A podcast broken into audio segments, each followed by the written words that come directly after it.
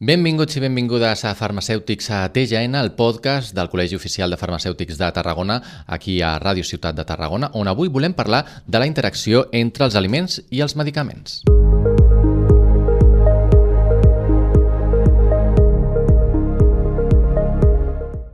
Interacció entre els medicaments, entre els aliments, i ho volem fer, com sempre, de la mà del Col·legi Oficial de Farmacèutics de Tarragona, i per això avui ens acompanya la Imma Felipe, que és vocal d'alimentació. Molt bones, benvinguda. Hola, què tal? Molt important, doncs, tindrà en compte a l'hora de medicar-nos aquesta interacció amb els aliments, oi? Sí, com comentàvem. Sí. Es que a veces no pensamos, ¿no? Pero la toma de alimentos con con medicamentos puede provocar una disminución de la disponibilidad del medicamento o un aumento, o a veces puede causar efectos, digamos, mmm, sorprendentes, no siempre adversos, sí.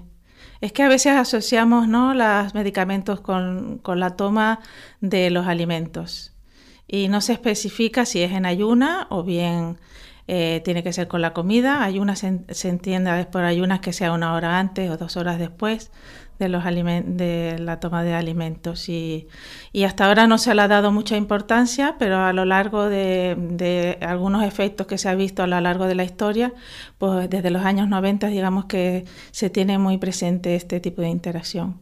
Además que es viceversa, quiere decir que la interacción puede ser del alimento hacia el medicamento o bien del medicamento hacia el alimento, que se entiende que se deja de absorber algunos nutrientes que son importantes para, para la salud.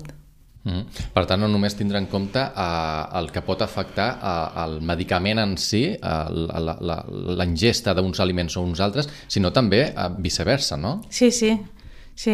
Digamos que el conocimiento de las interacciones data históricamente yo, a mí una figura que me encanta es Hipócrates, ¿no? que es el que decía que tu alimento sea tu medicamento y tu medicamento sea tu alimento.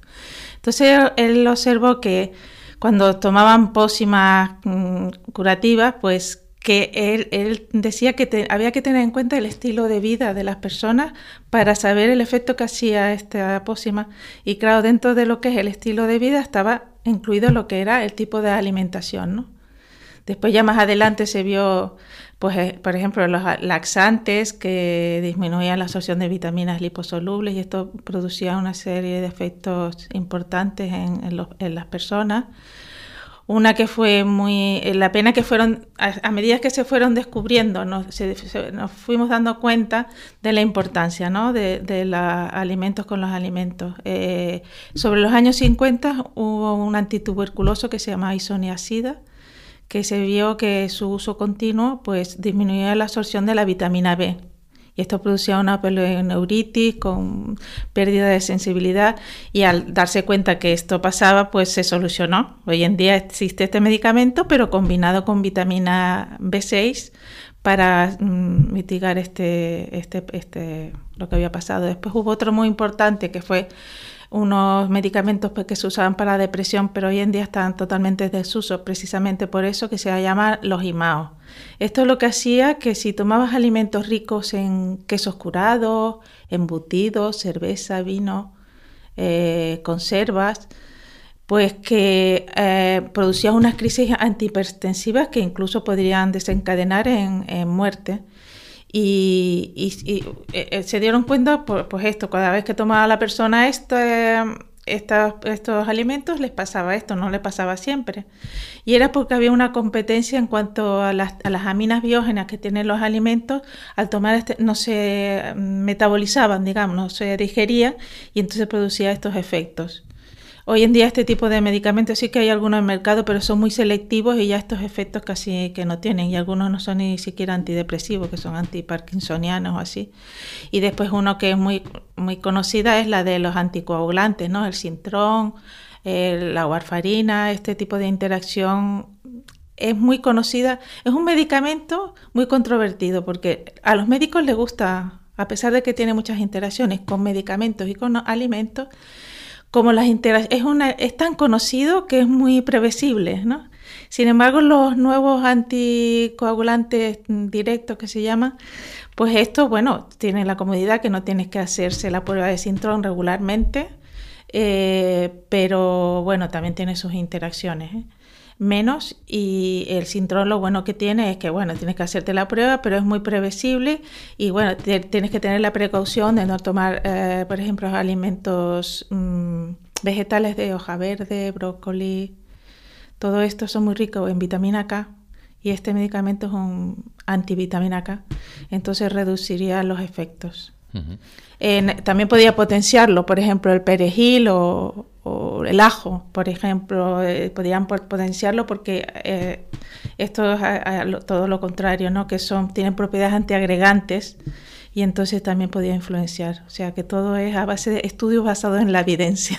Sí que a vegades sí que es té en compte, doncs, o es parla o es coneix no, la interacció fatal o no recomanada de, dels sí, medicaments sí, amb sí. l'alcohol perquè pot agreujar els efectes o pot desencadenar sí. efectes secundaris, però potser amb l'alimentació no es tenen tant en compte. No sé sí. si quan es prescribeixen aquests medicaments doncs ja, ja s'indica amb aquests aliments... Ara cada vez más, porque eh, mm, Por ejemplo, hay una serie de medicamentos que se usan, se llaman bifosfonato, que es ácido alendrónico, que se le dan a las mujeres menopausias para fijar el calcio en el hueso.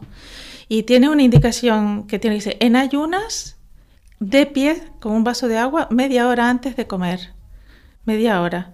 Porque si no, la absorción se ve comprometida y también puede producir reflujo gastroesofágico. ¿Eh? Y entonces es una de las cosas y tampoco se debe tomar con, leche, deja pasar un, tiempo, ¿sabes? Antes de, Porque este medicamento, pues claro, tiene una afinidad por el calcio y la leche pues tiene calcio, ¿no? Entonces hay que tomarlo muy alejado de, de la toma de este medicamento, sí. Parlem d'alimentació, però també de quan no hi ha alimentació, és a dir, aquelles sí. dietes o aquelles sí. uh, tradicions o religions, com per exemple el ramadà, que no sí, s'ingesta sí, sí, sí. Uh, Es que claro, al, alrededor del medicamento, digamos que un medicamento puede interaccionar con un medicamento, puede interaccionar con un, un alimento, con una bebida como el alcohol, con un complemento nutricional y también con una planta medicinal, o sea que, y aparte tenemos que tener en cuenta pues el estilo de vida de la gente, el estado nutricional de las personas, en el ciclo de la vida que está, si es un niño, una mujer embarazada, una persona mayor que posiblemente esté polimedicada. Eh, el caso que habías comentado del ramadán. Eh, en este caso, lo conveniente es eh, llegar a un pacto dietético con mm, la persona que tiene que tomar la medicación porque si estudiamos un poco el ciclo del ramadán, ellos comen antes del amanecer, que se llama, eh, la, eh, la, etapa se llama suhur, y después eh, cuando se pone el sol, que se llama iftar. Entonces, esto lo conozco bastante porque estuve dando unos talleres de nutrición justamente en la época de Ramadán y me lo, me lo preparé bastante porque me parecía muy interesante, ¿no? Que, que esto se puede solucionar con buena voluntad por parte del sanitario y de la persona que está tomando medicamentos. Entonces, eh, en, la, en, la, época, eh, por la mañana en el suhur, ellos comen antes de que amanezca, pues se deben de tomar alimentos ricos en hidratos de carbono de lenta digestión. Eso se entiende, ¿no? Porque claro, tienes que aguantar todo el día, tener energía suficiente todo el día para poder ah, tener energía, digamos. Y mm, no tomar dátiles y cosas dulces, que esto te da energía rápido, pero no. Igual que el, eh, beber mejor agua que té o café, porque no dejan de ser diuréticos que te hacen orinar mucho y no te interesa perder líquidos porque ellos tampoco beben agua cuando el ramadán. Sin embargo, cuando ya eh, al, atardecer, cuando vuelven a comer, es todo lo contrario, tienen que reponer energía. Entonces toman alimentos ricos que le dan energía rápidamente, dulces, dátiles y, y dulces en general y después mm, hidratarse bien, zumo de fruta que también son ricos en azúcares y después la alimentación marroquí es muy, mm, muy variada y muy completa. Por ejemplo, hay una sopa que se llama harira que tiene de todo, tiene carne, tiene fideos, tiene verduras, eh, especias, es muy completa, ¿no? Y, y claro, entonces si un médico le manda un antibiótico de tres tomas al día, mañana, mediodía y noche, y sabes que al mediodía no se lo va a tomar.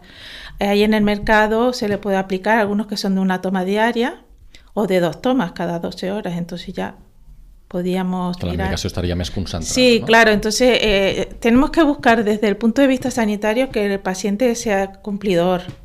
¿No? minimizar los, las interacciones, evitar las toxicidades, así hay, hay, que haber un poco de equilibrio y no mandar cosas que sabes que no se van a tomar. Es mejor ajustarle si, hay, si tienes otras posibilidades de darle otros medicamentos para que el cumplimiento sea mejor y el efecto del medicamento, claro. Uh -huh. Uh -huh. En el cas de les dietes també passaria una mica així, no?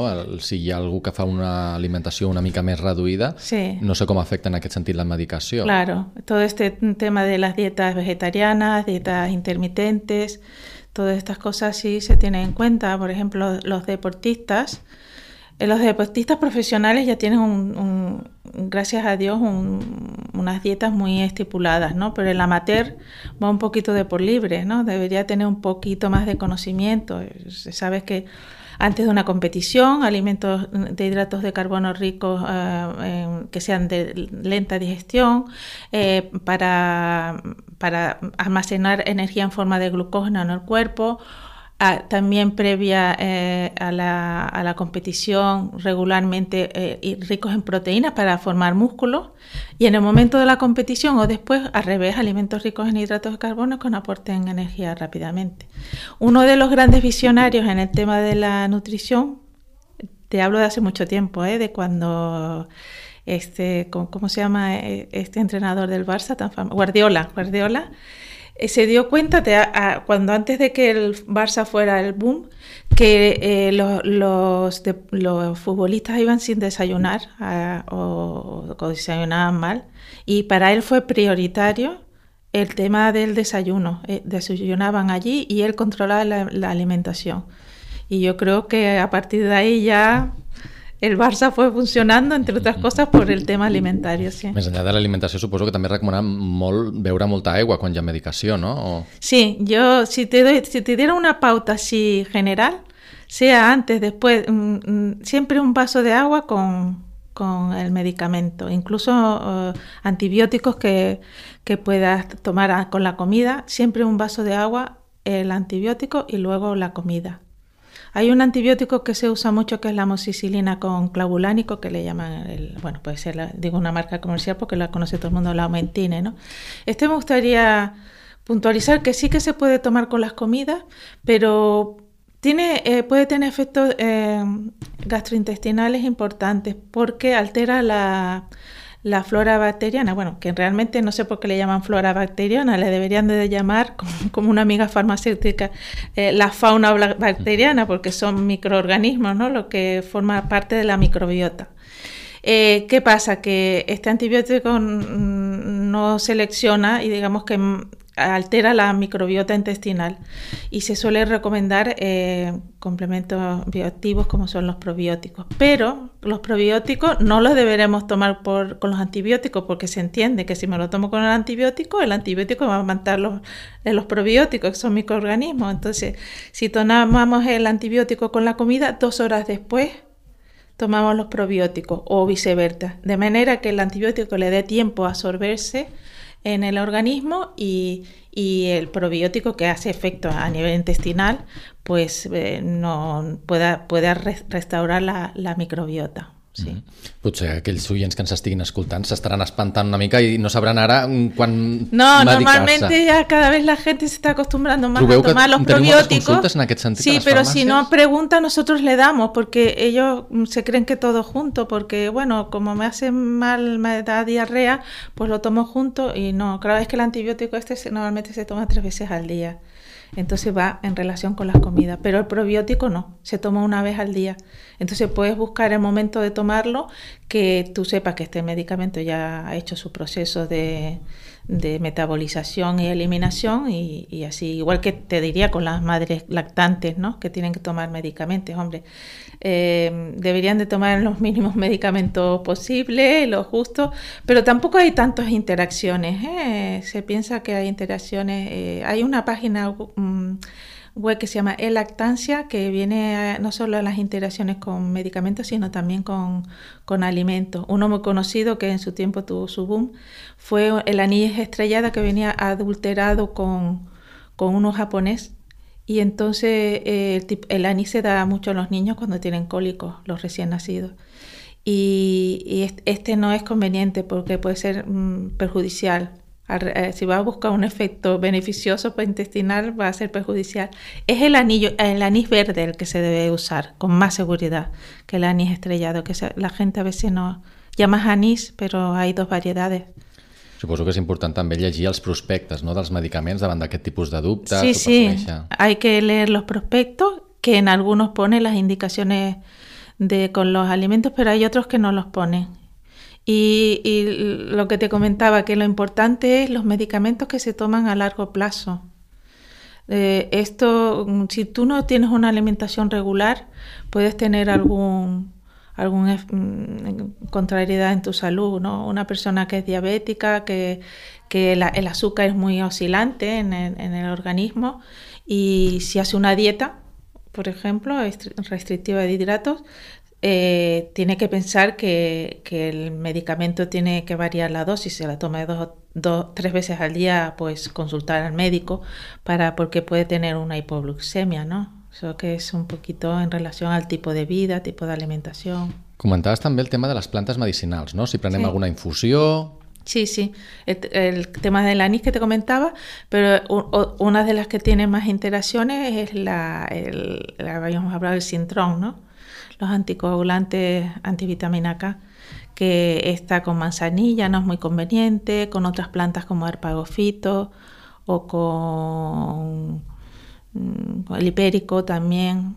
El hipérico es una planta que se usa para las depresiones, que, a veces combinan con la que le manda el médico, que es la fluoxetina, paroxetina, y tienen efectos, parecidos. Puede haber una interacción importante, un efecto que se le llama serotoninérgico, que es vómitos, y es por el tema de esta medicación. Y, había yo había en mi farmacia una interacción importante que es con los digitálicos, que un, un medicamento se llama digoxina, que es un cardiotónico que se usa para el corazón y tal. Y una persona que había tomado una infusión, unos comprimidos que eran para dormir, que lleva melatonina, valeriana y espino blanco. Pues espino blanco lleva una composición parecida a los digitálicos. Y, el, y estos medicamentos, la digoxina, son medicamentos que tienen estrecho margen terapéutico. Esto quiere decir que la, entre la dosis terapéutica y la tóxica es muy próxima. Y de hecho, si este, la digoxina, si lo tomas, siempre descansa un día para evitar el efecto acumulativo en el cuerpo. Claro, si tú tomas para dormir, si por ignorancia que no te han informado de que te estás tomando espino blanco, puede haber crisis digitálicas también que podrían ser peligrosas. Yo, yo he, vivido una en la farmacia de un, paciente que le había pasado eso. Y hay que tener la confianza siempre suficiente. Normalmente los pacientes este tipo de confianza en, en decir lo que toman fuera de la medicación lo tienen con la farmacia, pero desgraciadamente no lo tienen con el médico. Les da como apuro decir, pues es que también estoy tomando esto, porque un poco como que los van a reñir, usted no debe tomar esto. Bueno, pues yo creo que siempre hay que decirlo, ¿eh? Siempre. Claro, es importante para sí. en cuenta que Si tú les, les sabes fundamentar eh, el, o argumentar cómo, por qué le ha pasado esto, eh, o lo que le puede pasar si toma, pues entonces jo crec que és mucho mejor, no? I tant. Doncs ja per acabar, i a mode de consell i de resum, què hauríem de tindre en compte amb aquests paràmetres que comentàvem? Bueno, yo creo que de, eh, en general no tendríamos que alarmarnos porque las interacciones, pues bueno, está más o menos, no hay tantas como esto, pero hay que siempre preguntar, ¿eh? preguntar. En la farmacia siempre tenemos que minimizar todo este tipo de, de, alteraciones que podría haber. Eh, informar a los pacientes sobre el uso de nutracéuticos, si están tomando algo, si quieren algún complemento nutricional, hay que preguntar siempre eh, que si están tomando alguna medicación y también creo que hay, hay, poca información en cuanto a, a, nivel paciente, ¿no? Se, se, lleva mucho por el, tipo eh, los eh, anuncios publicitarios y todo esto, y entonces creo que se tendrían que informar más. Y más preparación en centros dietéticos de, del medicamento, no sé, o, en, los, en los institutos que se estudian estas, estas eh, formaciones profesionales, ¿no? Tienen que que estar formado, o por lo menos, si no conocen, derivar a un profesional que sí lo esté, un médico, un farmacéutico, un nutricionista, ¿eh? y bueno, pues un poco. Eh, nosotros desde mm, la Vocalía Nacional hemos creado un libro de interacciones de alimentos-medicamentos que eh, lo sacamos el año pasado, que es para uso sanitario, en el que se contempla, está muy bien porque mm, habla de cosas generales, de las interacciones viceversa, alimento-medicamento, medicamento-alimento, muchas tablas de alimentos con interacciones en los ambos sentidos y, los alimentos más importantes. Y además está documentado eh, por estudios clínicos. Y bueno, es un libro que siempre se tiene que estar actualizando. Com sempre, destaquem aquesta importància en la formació cap als professionals uh, de les oficines de farmàcia per a que puguin traslladar sí. doncs, aquesta informació a la sí, sí. ciutadania, que com doncs s'assenyala són els, sí. els centres més de proximitat amb el dia a dia de cadascun. Sí, sí dels veïns. Doncs uh, Imma Felipe, vocal d'alimentació del Col·legi Oficial de Farmacèutics de Tarragona, gràcies per haver-nos acompanyat i haver-nos donat aquests consells, aquests paràmetres, doncs, d'aquesta interacció dels aliments i de la medicació. Moltes gràcies. Vale, gràcies a ustedes. Gràcies també als de casa, esperem que hagueu pres bona nota i ja sabeu que, com sempre, doncs, si teniu qualsevol dubte, doncs us podeu apropar a aquestes oficines de farmàcia i també consultar-ho uh, via web. Nosaltres ens acomiadem en aquest nou capítol de Farmacèutics Teja en el podcast del Col·legi Oficial de Farmacèutics de Tarragona aquí, a Ràdio Ciutat de Tarragona. Fins la propera.